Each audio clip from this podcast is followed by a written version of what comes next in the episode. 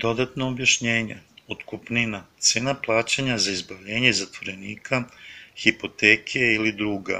Čine rešavanje problema sa novcem. Često korišćena kao pozitivno sredstvo izbavljenja. Primer, izlazak 21.30 suma novca, brojevi 35, 31 do 32, Isaija 43.3, otkupnina. U Novom Zavetu Matej 20, 28 i Marko 10, 45 pisuju otkupninu kao plaćanjem novca. Oproštaj otpuštanje. Obred prenošenja greha ljudi na Isusa u Starom Zavetu pomirenje je bilo prenošenje greha na žrtvu polaganjem ruku na njegovu glavu. U Novom Zavetu ono označava krštenje Isusovo od Jovana Krstitelja. U hebrejskom i grčkom ova reč znači prenošenje greha na Isusa Hrista, da bi grešnici mogli da uđu u ispravnu vezu sa Bogom. Novi zavet pokazuje dobru ponudu za okajanje, krštenje Isusa i njegovu smrt na krstu. U starom zavetu reč otpuštanje je korišćena skoro 100 puta i uvek je izraženo kao primer Levitski zakonik 23, 27, 25, 9, brojevi 5, 8 kapar na hebrejskom uobičajeno zapisano kao učiniti otpuštanje. Pomirenje je prevedeno od hebrejske reči označene kao prenošenje greha polaganjem ruku na glavu živog jarca i ispovedanje nad njim svake nepravde Izrela. Levetski zakonik 16.20 u Novom Zavetu. Pomirenje je povezano sa rameskim kpr, koje se misli na pokriće. To se odnosi na krštenje Isusovog izbavljenja u Novom Zavetu. Isus je došao na ovaj svet i bio kršten u dobu 30 godina kako bi spasao sve ljudi. Biblijsko pomirenje. O da, u starom zavetu. Pomirenje je obično dato kroz žrtovanje neke životinje. Primer, izlazak 30.10, Levetski zakonik 1, 3 do 5, 4, 20 do 21, 16, 6 do 22. Pod B. U Novom Zavetu pojam žrtve okajanja Starog Zaveta bilo je prihvaćeno dok je spasenje ljudi povezano sa Isusom Hristom. Apostol Pavle kaže da Isus Hristos umro za nas grešnike. 1. Korićanima 15.3. Reč pomirenje nije upotrebljena samo da objasni Hristovu smrt radi okajanja prvobitnog greha, već da odnese sve grehe ljudskih bića, Krštenjem svi gresi sveta su prešli na Isusa, Matej 3.15. On je spasao čovečanstvo krvareći na krstu, Levitima 1, 1 do 15. Jovan 19.30. Apostol Pavle je objasnio u drugoj Korinćanima 5.14 da jedan za sve umre i u sledećim stihovima 21. On je to učinio nas radi u Galatima 3.13, postavši za nas kletva, Samo nekoliko stihova u Novom Zavetu ukazuju da je Isus žrtva. Primer Efesci 5.2, Jovan 1.29, 36, Jagnje, Jovan Krstitelj i u prvoj Korinćanima 5.7 naša pasha apostol Pavle. Međutim, Pavle je jasno rekao da Isuo krštenje u Jordanu bilo oproštenje od svih grehova sveta. Objasnio u Rimljanima 6 da su svi gresi sveta prenešeni na Isusa kroz njegovo krštenje od Jovana Krstitelja. On nastaje da objašnjava da raspeće Isusa bilo zbog osude i nadoknade za greh i da je žrtva pomirenja bila prinešena za sve ljude. Smrt Isusova bila je ispunjenje Božeg plana, podrazumeva kao žrtveno pomirenje u Starom Zavetu. Polaganje ruku u Starom Zavetu i krštenje Isusovu u Novom Zavetu je saglasno sa zakonom Božijim, Isaija 53.10, Matej 3.13 do 17. Jevrejima 7, 1 do 10, 18, 1. Petrova 3, 21. Novi Zavet se nije završio sa krštenjem i smrću Isusa, već nastavlja da nam ukazuje da je naše spasenje ostvareno našim krštenjem u Hrista, kojim je omogućeno da na kraju i umremo s njim. Rimljanima 6, 3 do 7, Galatima 2, 19 do 20. Ovo nam govori da Jovan krstitelj krstio Isusa Hrista da bi oduzeo sve grehe sveta kao rezultat, on je raspet. Isus Hristos kroz svoje krštenje i krv nije samo oprao grehe sveta, već takođe spasao nas je od moći satane i vratio nas u sili Božijoj, prihvatajući kaznu i trpljenje čime je platio umesto ljudi. Stoga izbavljenje Isusovo je rešilo problem greha koji je sprečavao ljude da budu blizu Boga. Ovaj događaj koji obnavlja mir u skladu između ljudi i Boga, donoseći spasenje i radost. Rimljanima 5.11 život Rimljanima 5, 17 do 18 i izbavljenje Matej 3, 15, Jovan 1, 29. Jevrejima 10, 1 do 20, Efescima 1, 7, Kološanima 1, 14 u isto vreme. Dan pomirenja. Kod jevreja ovaj pojam označava dan od pokrivenja ili pomirenje. Na najvažniji dan za jevreje bio je dan pomirenja na deseti dan sedmog meseca, Levitima 23, 27, 25.9. Mi možemo videti u Levitima 16 da svaki visoki sveštenik nije ulazio u svetinju nad svetinjama, osim za određene obrede na taj dan. Svetinja nad svetinjama i sama ima potrebu za očišćenjem, kao i sav narod Izraela. Stoga visoki sveštenik je nudio žrtvu radi prelaska greha polaganjem njegovih ruku na glavu životinje. Izraelci su mislili na svetost Božiju i na svoju grešnost na dan pomirenja. Tada je od 15 prinosa, uključujući jarca za pustinju, 12 prinosa bilo spaljeno, a tri prinosa bi se donalo pred Boga za pomirenje. Levitski zakonik 16, 5 do 29, brojevi 29, 7 do 11. Ako bismo brojali drugo jagnje, spomenuto u brojima 28, 8, bilo bi 13 prinosa za žrtvenik i 4 prinosa za pomirenje. Dan kada je Izrael okajavao svoje godišnje grehe, bilo je deseti dan sedmog meseca. U tom istom svojstvu, dan pomirenja za sad svet bio je dan kad su Isus krstio od Jovana Krstitelja. To je bio istinski dan pomirenja za čitavo čovečanstvo. To je bio dan kada je gospod oprao sve grehe sveta. Matej 3, 13 do 17. To je bio dan pomirenja na koji je Bog prema tome ispunio svu pravednost. Žrtva pomirenja u starom zavetu, baš kao i ostala žrtvovanja, žrtvovanje sa posvećenjem za sav Izrael prinosilo se u šatoru. Visoki sveštenik bi se najpre očistio i obukao bi svetlu lanenu odeću, umesto običajne svečane haljine za obrede, izabrao bi junca za žrtvu okajanja i ovna kao žrtvu paljenicu za sebe u svoj dom, Levitski zakonik 16.3 do 4, tada bi položio sve ruke na glavu žrtve i prineo bi na nju grehi svog naroda. Polaganje ruku je bilo obavezan obred na dan pomirenja. Ako to ne bi bilo učinjeno, ponuđena žrtva ne bi mogla da bude prihvaćena, jer se pomirenje za greh nije moglo dovršiti bez polaganja ruku. Stoga ni prinošenje godišnjih grehova Izrela na žrtvenu ponudu. U Levitima 3. Mojsijeva 16.21 i metnuši Aron obe ruke svoje na glavu žrtvi jacu živom, neka priispovedi nad njim sve bezakonja sinova Izraeljevih i sve prestupe njihove u svim gresima njihovim i metnuši ih na glavu jarcu, neka ga daju čovekom spremnom da ga istira u pustinji. On bi uzao dva jarca kao žrtvenu ponudu i ovna kao žrtvu paljanicu od naroda, Levitima 16.5. Tada bi on doveo dva jarca pred gospoda na vrata šatora i bacanjem kocke odabrao bi jednog za gospoda, a drugog za Azazela. Onaj za gospoda bio je ponuđen radi primanja grehova i jarac za Azazela bi bio ponuđen živ pred gospodom da bi okajao godišnje grehi naroda Izrela i tada izvede napolje u pustinju, Levitima 16, 7 do 10. Gresi Izraela su bili prenošeni na jarca polaganjem ruku visokog sveštenika na njega.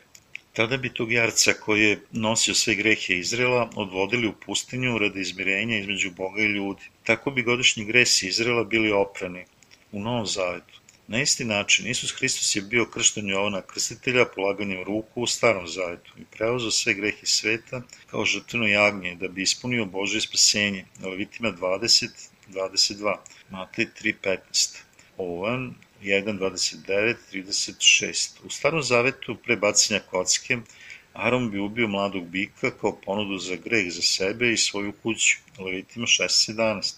Tada on bi uzeo kandilo, napunio ga užarenim ugljevljem s oltara koji je pred gospodom i sa svojim rukama bi dodao slatki tamjan, fino usitnjen i stavio bi kandilo iza zavesa. On bi tada potpalio tamen vatrom pred gospodom da bi se osvetilište ispunilo kadom, Onda bi takođe uzeo nešto krvi od bika i poprskao bi svojim prstom na sveto mesto i ispred njega sedam puta, Levitima 16, 12 do 19. Na dan pomirenja polaganje Aronovih ruku na glavu žrtve bilo je najizostavno. Aron je polagao svoje ruke na glavu jarca i prenuo bi sve grehe i prestupe Izrela na glavu jarca. Tada pogudan čovjek bi uzeo jarca i izveo ga u pustinju i poslao pred sobom. Jarac bi zalutao u pustinji sa gresima Izrela i na kraju bi umro zbog njih. To je bilo uobičajeno žrtvovanje okajavanja u starom zavetu. To je isto u Novom Zavetu, osim što je jarac bio zamenjen Isusom Hristom, koji je preuzeo sve grehe sveta na sebe kroz svoje krštenje, krvario i umro na krstu za nas. Zato sada spasenje za sve grehe se ne može primiti bez krštenja i raspeća Isusa Hristosa, najbeskog visokog sveštenika. To je ispunjenje i spasenja ponovnog rođenja vodom i duhom. Polaganje ruku za redom. Ovo je bilo dato od Boga kao metod za prenošenje greha na žrtvenu ponudu u Starom Zavetu, Levitima 4.29, 16.21. U dane Starog Zaveta Bog je dozvolio narodu da okaje svoje grehe polaganjem ruku na glavu žrtvenih ponuda unutar šatora. To je bilo otkriveno krštenjem Isusa koji je došao sa Novim Zavetom. Krštenje podrazumeva pod jedan biti opran, pod dva biti ukopan, biti potopljen i u duhovnom smislu pod tri prenešen greh polaganjem ruku kako su činili sveštenici u danima Starog Zaveta. U Novom Zavetu krštenje Isusa od Jovana Krstitelja bilo je radi pranja svih grehova sveta. Krštenje Isusovo ima značenja oduzimanja greha sveg čovečanstva da bi se oprali gresi sveta. Isus je bio kršten Jovanom krstiteljem, predstavnikom svih ljudi i visokim sveštenikom iz Aronovog roda i uzeo je sve grehe sveta na sebe. To je bilo predviđeno njegovim krštenjem. Duhovno značenje reči krštenje je pokop prenošenje na stoga. Krštenje Isusovo podrazumeva da su svi gresi prešli na Isusa i da je on osuđen umesto nas, da bi spasu čovečanstvo. Isus je uzeo naše grehe svojim krštenjem i umro radi nas. Stoga njegova smrt je takođe smrt tebe i mene, svih grešnika sveta, i njegovo skasenje je skasenje svih ljudi. Njegovo žrtvovanje je spasenje grešnika i njegovo krštenje je istinito svedočanstvo kojim se peru svi gresi čovečanstva. Biblija nam govori, za spomen toga i nas sada spasava krštenje. 1. Petrova 3.21. Krštenje Isusa je pravedni put spasenja sveg čovečanstva pranjem našeg greha. Greh. Sve što se suprostavlja Bogu je greh. To ukazuje na sve grehe, uključujući prvobitni greh i prestupe koje mi činimo kroz ceo naš život. Greh je hamartija na grčkom i njegov govorni oblik je hamartano, kojim se misli propustiti znak. Otuda jedna od najozbiljnijih grešaka je neispravno verovanje u Isusa i stoga nedostatak sposobnosti spasenja. Neznanje niti verovanje u istinu je takođe počinjen greh, neposlušnost i hule protiv Boga. Ako mi zaista ne želimo da počinimo takav greh pred Bogom, treba da shvatimo njegovu reč tačno i da razumemo istinu da je Isus postao naš spasitelj. Mi trebamo verovati u krštenje Isusovo i njegov krst kroz reči Bože. To je greh ako ne prihvatimo reč Božiju, ostupamo od istine i verujemo u lažne teorije. Biblija nam govori da je najozbiljniji greh, greh koji vodi u smrt. 1. Jovanova 5.16, a to je neverovanje da je Bog opro sve grehe sveta. Mi trebamo verovati u rođenje Isusovo, u njegovo pranje greha kroz njegovo krštenje i u život koji nam je dat njegovim krštenjem i njegovom krvlju na krstu. To je greh ako ne verujemo u zapisane reči da je Isus bio kršten, umro na krstu i bio vaskrso da bi nas oslobodio od sveg našeg greha. Pokajanje. Kad neko ko bi skrenuo od Boga shvatio njegove njene grehe i zahvali Isusu koji ga je oprao i dođe nazad Bogu, to se naziva pokajanje. Svako od nas je gomila greha. Istinsko pokajanje je prihvatanje sledeće istine, da mi jesmo grešnici pred Bogom i da mi ne možemo drugo osim da činimo greh čita svoj život i odemo u pakao gde ćemo umreti. Mi trebamo prihvatiti Isusa kao našeg spasitelja, verujem da je on došao na ovaj svet da spasi grešnike kao što smo mi i da je on odnos sve naše grehe kroz svoje krštenje umro i vaskrsno da nas spase. Istinsko pokajanje je odustajanje od našeg ličnog shvatanja i povratak Bogu. Dela 2.38 Pokajanje je prihvatanje greha i okretanje ka reči Božjoj da bi primili spasenje vode i krvi sa svim našim srcem. 1. Jovanova 5.6 Istinsko pokajanje je prihvatanje sebe kao potpunog grešnika i verovanje u Isusa, Sina Božjeg, kao našeg spasitelja koji nas je spasao od svih naših grehova. Da bi bili spašeni i oprani od svih grehova, mi moramo zaustaviti pokušaje da budemo posvećeni kroz naša lična dela i da prihvatimo da mi jesmo potpuni grešnici pred Bogom i njegovim zakonom. Mi ćemo tada prihvatiti istinu njegovog spasenja, evanđelja, vode i duha koje nam je Isus dao svojim krštenjem i krvlju. Grešnik treba da odustane od njegovih njenih ličnih razmišljanja i tada će se vratiti Isusu potpuno. Mi ćemo biti spašeni kada poverimo da je krštenjem Isus preoza sve naše grehe na sebe. Drugačije krštenje Isusovo, njegovo raspeće i njegovo vaskrsenje ima puninu Božje pravednosti. Njegovo spasenje je za sve grešnike. Isus je došao u telu, bio kršten i raspet da opere sve naše grehe. Potpunom verom u sve ovo i verom da Isus bio raspet da bi postao spasitelj svih onih koji veruju u njega je istina okajanja i prirodna vera. Spasenje. Spasenje u hrišćanstvu podrazumeva oslobađanje od moći ili kazne za greh. Mi smo primili spasenje kada smo prihvatili da ne možemo drugo osim da odemo u pakao zbog naših grehova. I kada smo poverovali da nas Isus spasa od svih naših grehova kroz svoje rođenje, krštenje i krv na krstu.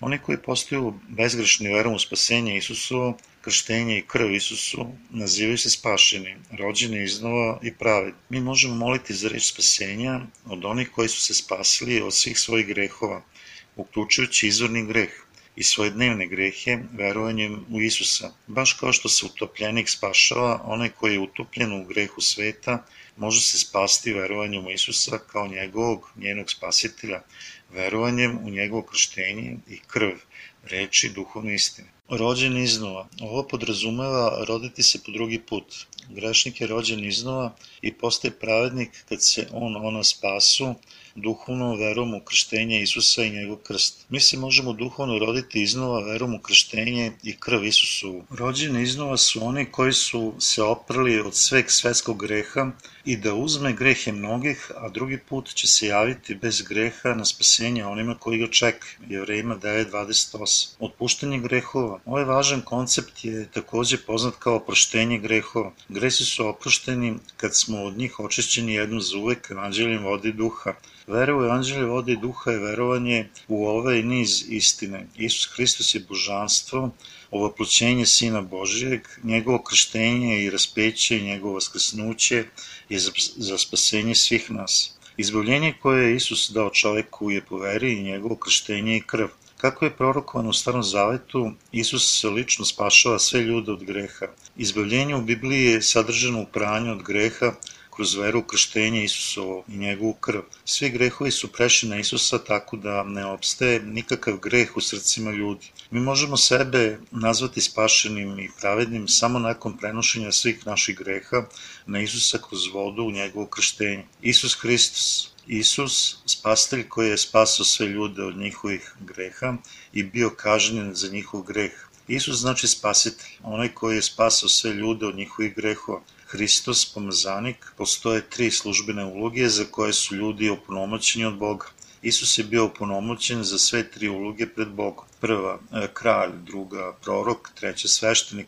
Isus je ispunio sve od njih. Isus Hristos je bio sve to. On je učinio sva ova dela. Mi moramo verovati Isusa kao kralja, proroka i sveštenika koji nam je dono izbavljenje i spasenje. Stoga mi nazivamo njega Isus Hristos. On je bio nebeski visoki sveštenik koji nas je spasao od svih naših grehova sveta sa svojim krštenjem i krvlju. Stoga on je kralj svih koji veruju u njega. On nam je učinio jasnim naše grehe kada mi dođemo pred njega. On nas je naučio da smo grešnici od vremena naših predaka, da smo kao potomci grešnika bili rođeni grešnici i kao rezultat mi smo pod osudom Boga. On nas takođe uči da mi jesmo oprani od naših grehova kroz njegovo krštenje i krv. On je učinio sva ta dela za nas grešnike. Zašto je Sin Boži postao čovek? On je postao čovek da bi bio spasitelj i spasio je sve grešnike od greha i osude sa paklenom vatru. Ko je Isus? Kako stoji u postanju 1.3 i Jovanu 1, 1 do 3, On je stvoritelj, istinski Bog, Bog čitavog univerzuma koji je spasao sve grešnike od grehova sveta. Filipljani 2.6, koji je bio u obličju Božjem. Jovan 1, 2 do 3. On beše u početku kod Boga, sve je stvoreno kroz njega i bez njega ništa nije stvoreno od ovog što je stvoreno. Isus je Bog kreacije, gospodar univerzuma. Međutim, mnogo ljudi nije spašeno zbog nevere u ljubav i spasenje Isusova koji je sišao na ovaj svet u telu, dok su mnogi ostali primili spasenje, postali Boži narod i postigli beskonačan život verom u njega, oni su postali pravednici. Kakav je zakon uspostavio Bog? Bog je planer, jedan istiniti Bog i potpuno biće. Stoga on je postavio zakon u svetu sa sledećim odlukama. On je dao grešnicima svoj zakon i zapovesti da ih spase od njihovih greha. Zakon je radi spoznaje greha, Rimljani 3.20. Drugi zakon je zakon vere koji spašava grešnike. To je zakon duha života, Rimljanima 8.2. Ovo potvrđuje pristup ka spisenju kroz veru Isusa Hrista, našeg spasitelja, Rimljanima 5.1-2. Isus je došao dole na ovaj svet da ispuni ovaj zakon. On je bio kršten, krvario na krstu i bio vaskrsnut. Isus je postavio zakon spasenja da bi spasao sve grešnike sveta. Bog je uspostavio zakon vere za one koji veruju u spasenje vode i duha. Svako ko želi da bude spašen i postane dete Božije, mora da veruje u zakon vere i suda Božijeg. To je jedini put spasenja. Stoga on je omogućio pristup nebesima za one koji veruju u duhovno spasenje i sa istinom saglasno zakon. Boži zakon, 10 zapovesti. Postoji 613 stavki u zakoniku Božeg zakona koji se tiču svakodnevnog života ali suština iz toga su deset zapovesti koje moramo da držimo pred Bogom. To su zapovedi i zabrane kao čini ovo i ne čini tako, ovo su pusto za život. I zapovesti Božije koje su date nama da bi mogli da shvatimo našu grešnost. Kroz zapisane Bože zapovesti mi možemo da prepoznamo koliko ga puno mi ne slušamo. Rimljanima 3, 19 do 20. Razlog zašto nam je Bog dao svoje zapovesti bio je da mi shvatimo našu grešnost. Mi nikada nećemo držati sve njegove zapovesti, stoga mi moramo ponizno da prihvatimo činjenicu da smo bili grešnici pre nego što smo poverovali u Isusa. Mi smo svi grešnici i Bog zna da mi nikad nismo živjeli saglasno njegovom zakonu. Zato on je silazio dole na ovaj svet kao čovek, bio kršten i osuđen na krstu. Pokušaj da živimo po njegovom zakonu je greh oholosti. Mi ne treba da činimo to. Zakon nam pokazuje savršenu svetost Božiju, onako dobro kao i nas slaba ljudska bića u stvarnosti. Drugačije svetost i savršenstvo Božije je otkriveno u zakonu Božijem. Da li moramo da verujemo Isusa? Da, mi moramo, zato što je On naš gospod, jedini pravedni i zato što je ovo njegova želja. Ovde nema drugog imena pod nebom datog ljudima kojim se spaša. Dela 4.12. Nema drugog spasitelja. Isus je naš jedini spasitelj. Mi možemo da budemo spašeni i rođeni iznova samo verom u njega. Zato mi možemo jedino da uđemo u nebesa i živimo zaovek verujući u njega mi moramo imati veru u njega. Da li mi hrišćani možemo ostati grešni? Ne, apostol Pavle rekao u 1. Timoteju 1.15. Sećajući se dana pre nego što je sreo Isusa da je bio jedan od grešnika, među kojima sam najveći. Ali to nije istina. Mi smo svi grešnici pre nego što smo poverovali u Isusa. Međutim, jednom kada mi poverujemo u Isusa, tačno saglasno njegove reči, mi ubrzo postajemo pravednici. Apostol Pavle je podsjetio na vremena pre nego što je znao Isusa i priznao da je beše vođa grešnika. Pavle, kada se još zvao Saule, sreo Isusa na putu za Damask i shvatio je da je Isus bio njegov spasitelj. Stoga je on poveravao i njemu se zahvalio. Tada čitav preostali život on je svedočio za pravednost Božiju, krštenje Isusa kojim je odnao greh i sa sveta i da je on umro da bi iscrpeo svetski greh. Drugačije, on je postao sluga Božiji koji je propovedao evanđelje vode i duha. Međutim, većina hrišćanja i dalje misla da je apostol Pavle bio grešnik i nakon što se susreo sa Isusom. Oni ne razumeju ovaj prelazak iz aspekta hrišćanstva grešnika, jer još nisu rođeni iznova. Istina međutim je to da on više nije bio grešnik nakon što je sreo Isusa, već onaj koji može sresti Isusa kad god poželi. On je imao prednost čitavog svog preostalog života za propoved evanđelja, spasenja, izbavljenja krštenjem i krvlju Isusovom. Već nakon njegovog obraćenja, njegove poslanice koje su takođe u Bibliji, svedoče da je evanđelje vode i duha bilo istinsko evanđelje iz rane crkve. Otuda priznanje apostola Pavla u Timoteju, 1. Timoteja 1.15, koje je bilo prisjećanje na njegove dane iz prošlosti, za koje uveliko zahvaljuje gospodu. Da li je on grešnik nakon što je poverovao u Isusa? Ne, on je bio grešnik pre nego što se rodio iznova. Onog momenta kad je poverovao u njegovo kajanje od krvi na krstu, on je postao pravednik. Razlog što je on sebe nazvao glavnim grešnikom bilo je zato što se podsjetio vremena kad je progonio Isusove sledbenike i zbog zahvalnosti Bogu što je spasao njega najveći grešnik. Ko može i dalje da ga naziva grešnikom? Ko može nazivati nekog grešnikom ako je on, ona, postao pravednik verom u krštenje i krv Isusa kao bit njegovog, njenog spasenja?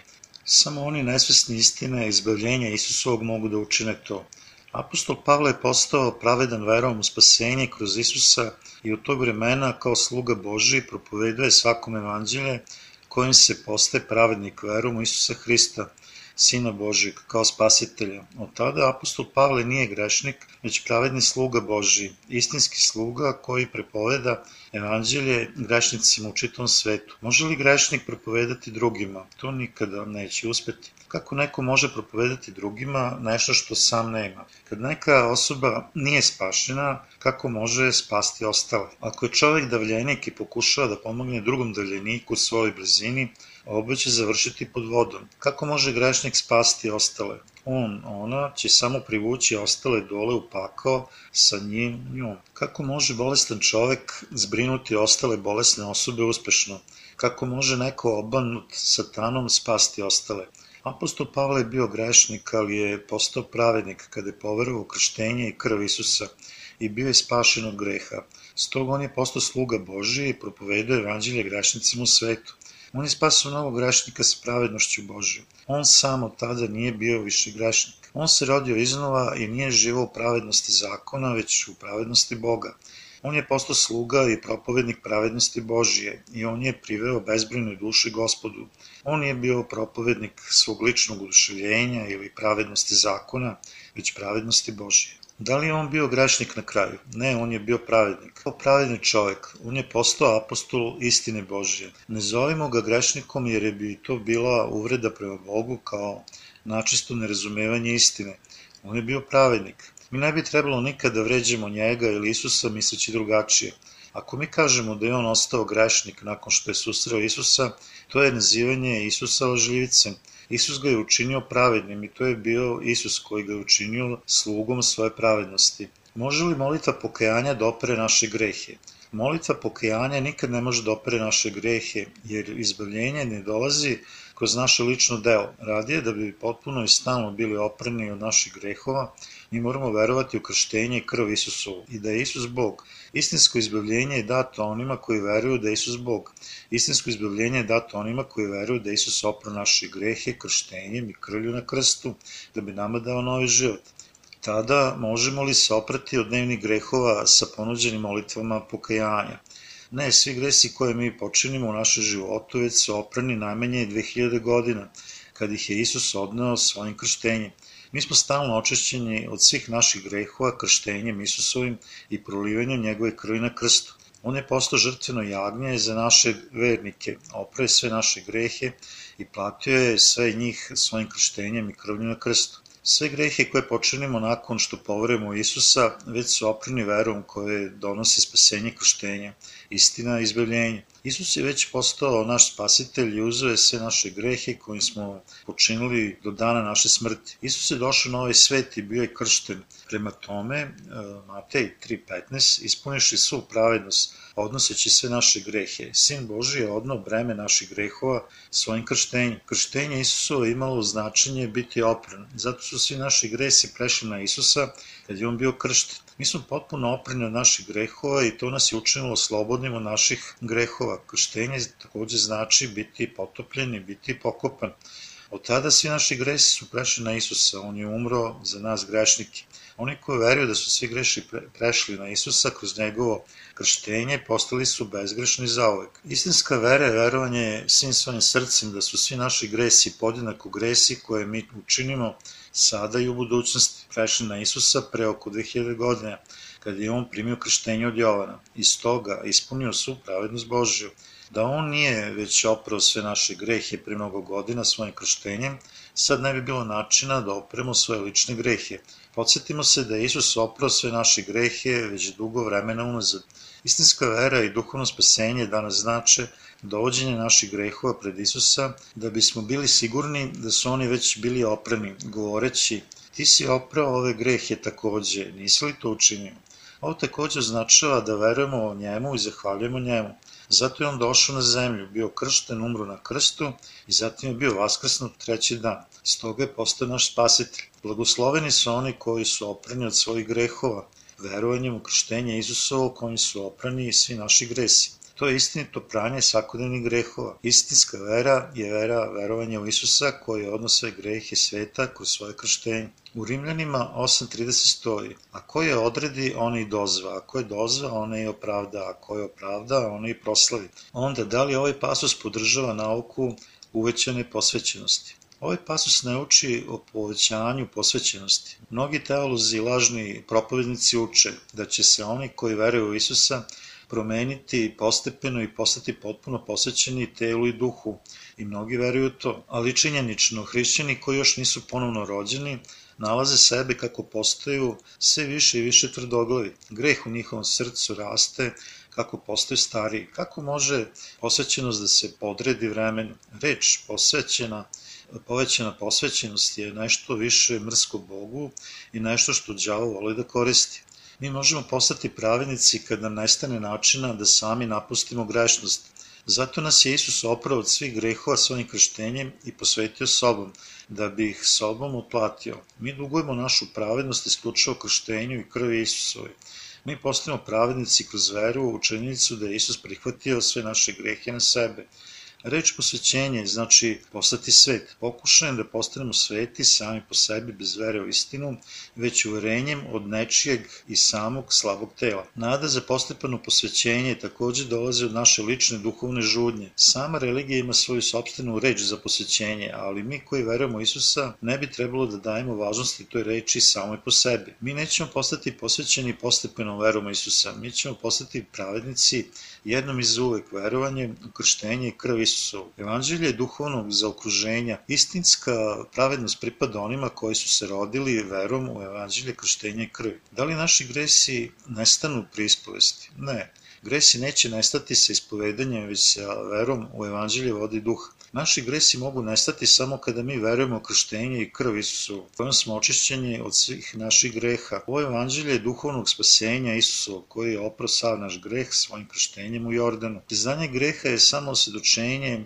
za nekoga ko bi prepoznao zakon Boži, ali izbavljenje nam je dato samo kada mi poverujemo u krštenje i krst Isusu. Voda njegovog krštenja i krvi Hristove su istina sa nebesa, kojim smo spašeni kao svi ljudi od greha i naše spasenje nije podređeno priznanju grehova, već verovanju da je Isus preuzeo grehe od svih ljudskih bića svojim krštenjem. Raspeće Isusa je bila kazna za sve te grehe koje je on preuzeo radi nas grešnika, stoga naše istinsko spasenje u krštenju u Jordanu i krvi na krstu. Razlog našeg očišćenja od sveg našeg greha je radi verovanja Isusa koji je oprao sve naše grehe. Oni koji propovedaju da smo izbavljeni priznanjem grehova, zapostavljaju istinsko spasenje Božije. Stoga mi moramo verovati u krštenje i krv Isusovu, spasenje Božije. Da nikad ne kažemo da greh ljudi može biti oprošten ako ga priznamo Bogu. Znamo da će nas naši gresi predati paklu, ali verom u Isusa, njegovo krštenje i krv, kojima smo spašeni i kojima postajemo pravednici pred Bogom, možemo oprati svoje grehe.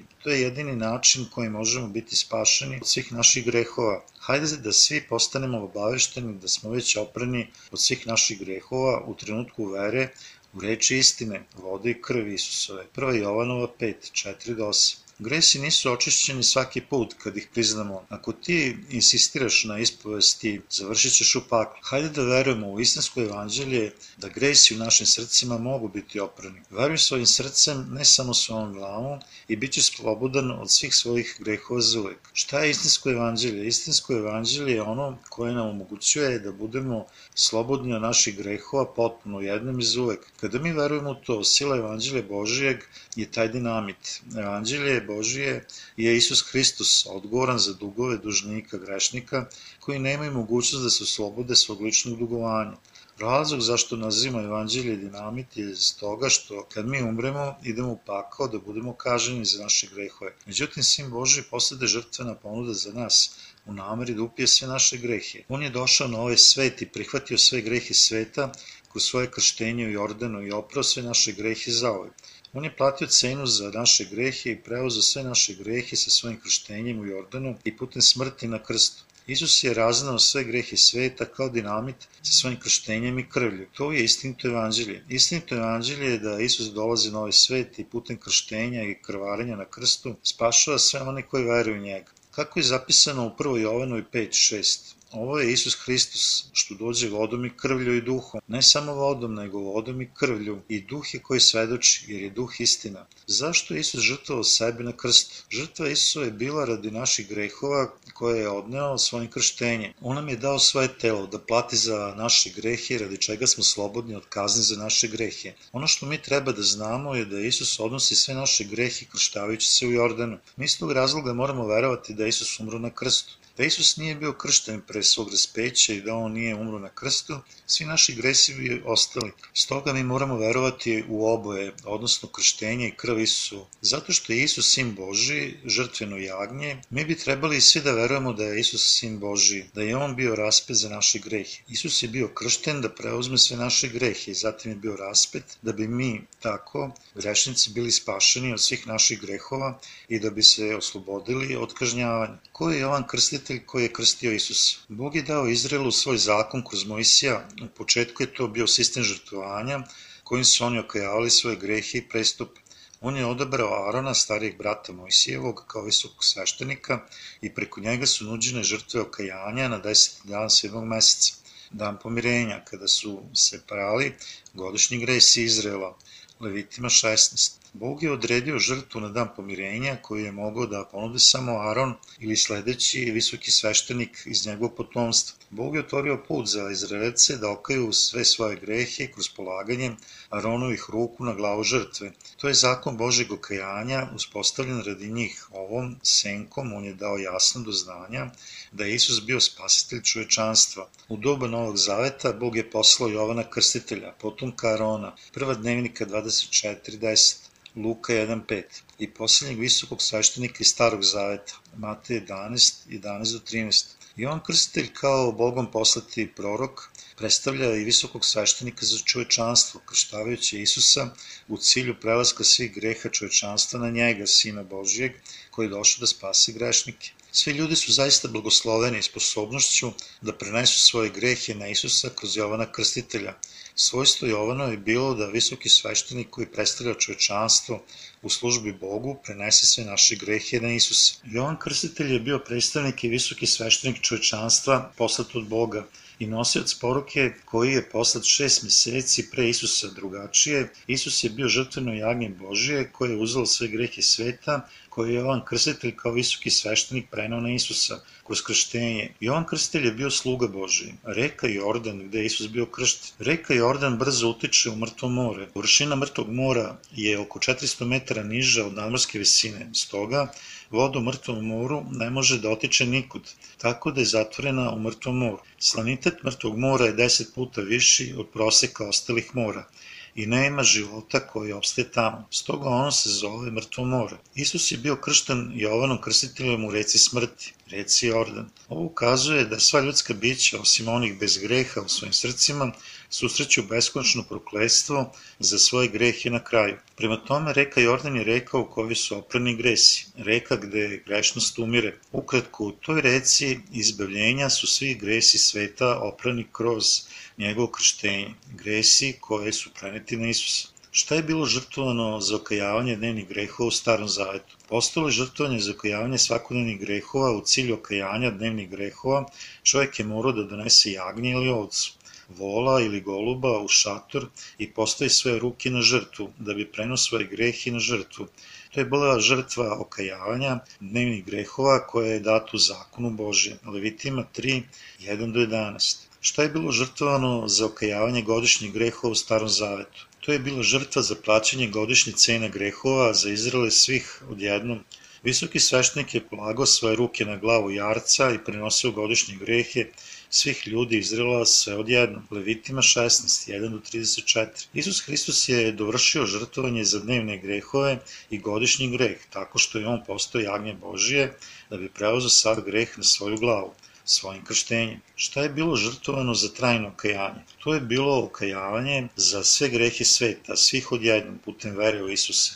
Od Isusa koji je sin Boži i naš gospod, koji živi večno, Odneti su svi gresi sveta za uvek. Kako je on odneo sve grehe za uvek? On je to učinio. Prvo, rođenjem u telu čoveka. Drugo, krštenjem od Jovana, krstitelja u Jordanu. Treće, raspećem na krstu gde prima presudu umesto nas. Sin Boži je došao na ovaj svet u telu čoveka i bio je kršten da oduzme sve grehe sveta kroz Jovana Krstitelja.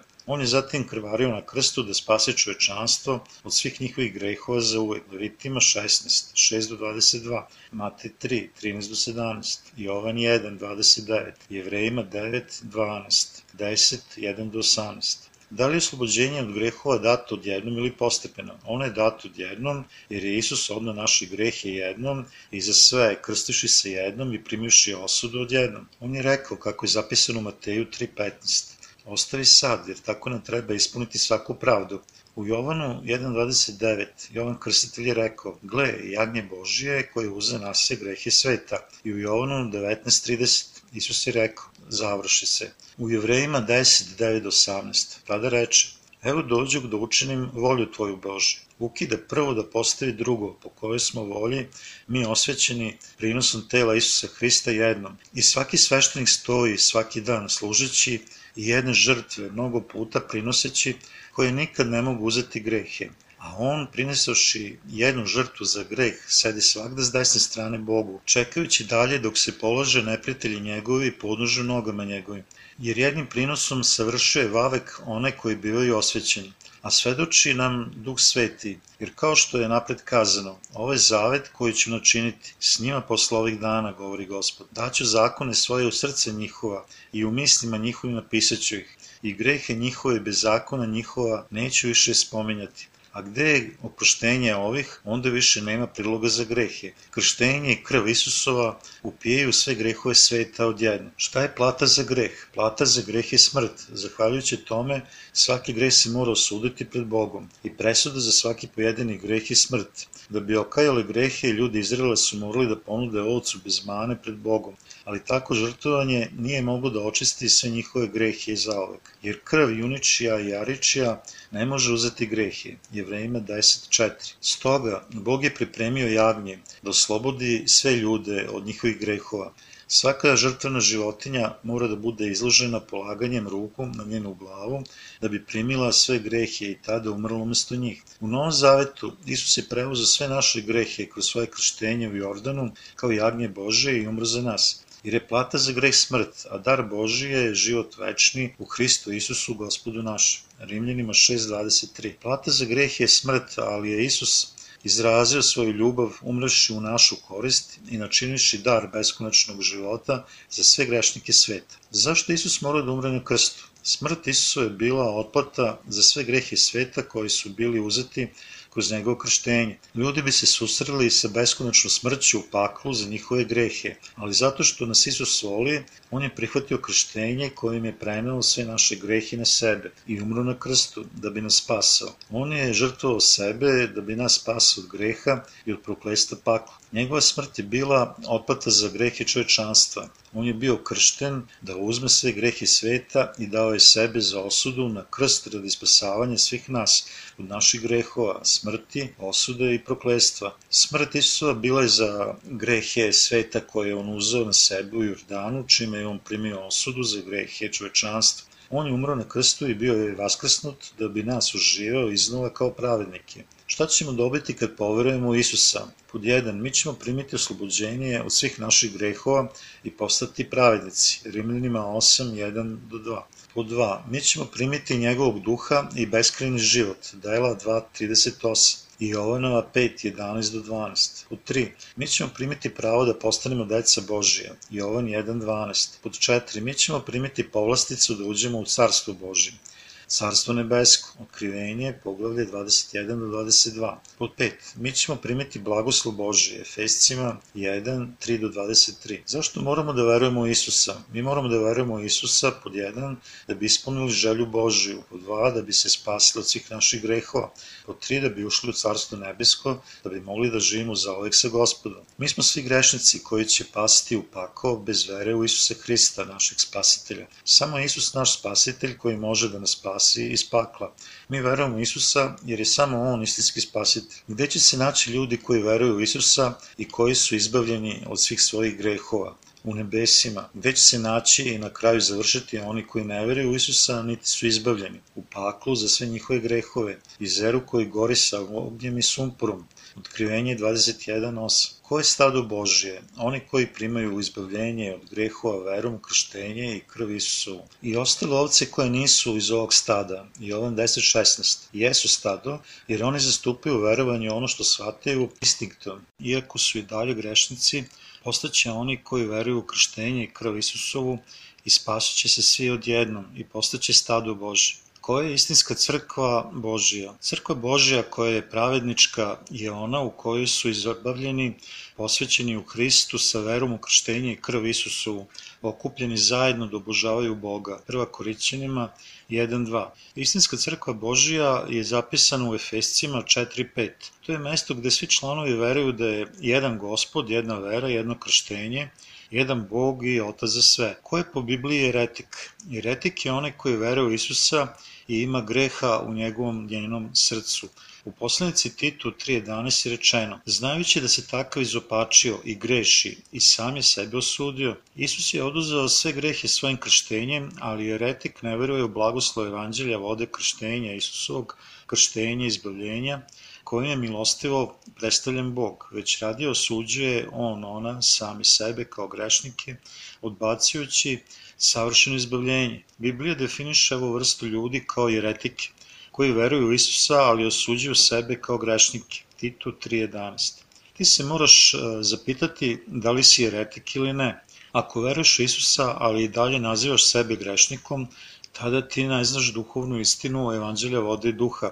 Ako ti veruješ Isusa, ali i dalje smatraš sebe beznadežnim grešnikom, tada si ti eretik. To podrazumeva da ti misliš da je istinsko evanđelje vode i duha previše nemoćno, da iscrpe sve tvoje grehe i načinite njegovim detetom. Ako si ti jedan od ovih ljudi, naime eretik, koji ispoveda svoje grehe svaki dan pred Bogom, radi oproštaja i prihvata da je ostao grešnik, tada moraš ozbiljno proveriti svoju veru. Kako možeš ostati grešnik kada je Isus oduzeo sve tvoje grehove? Zašto pokušavaš da nadnoknadiš dug o kome se već pobrinuo Isus radi dara za tebe?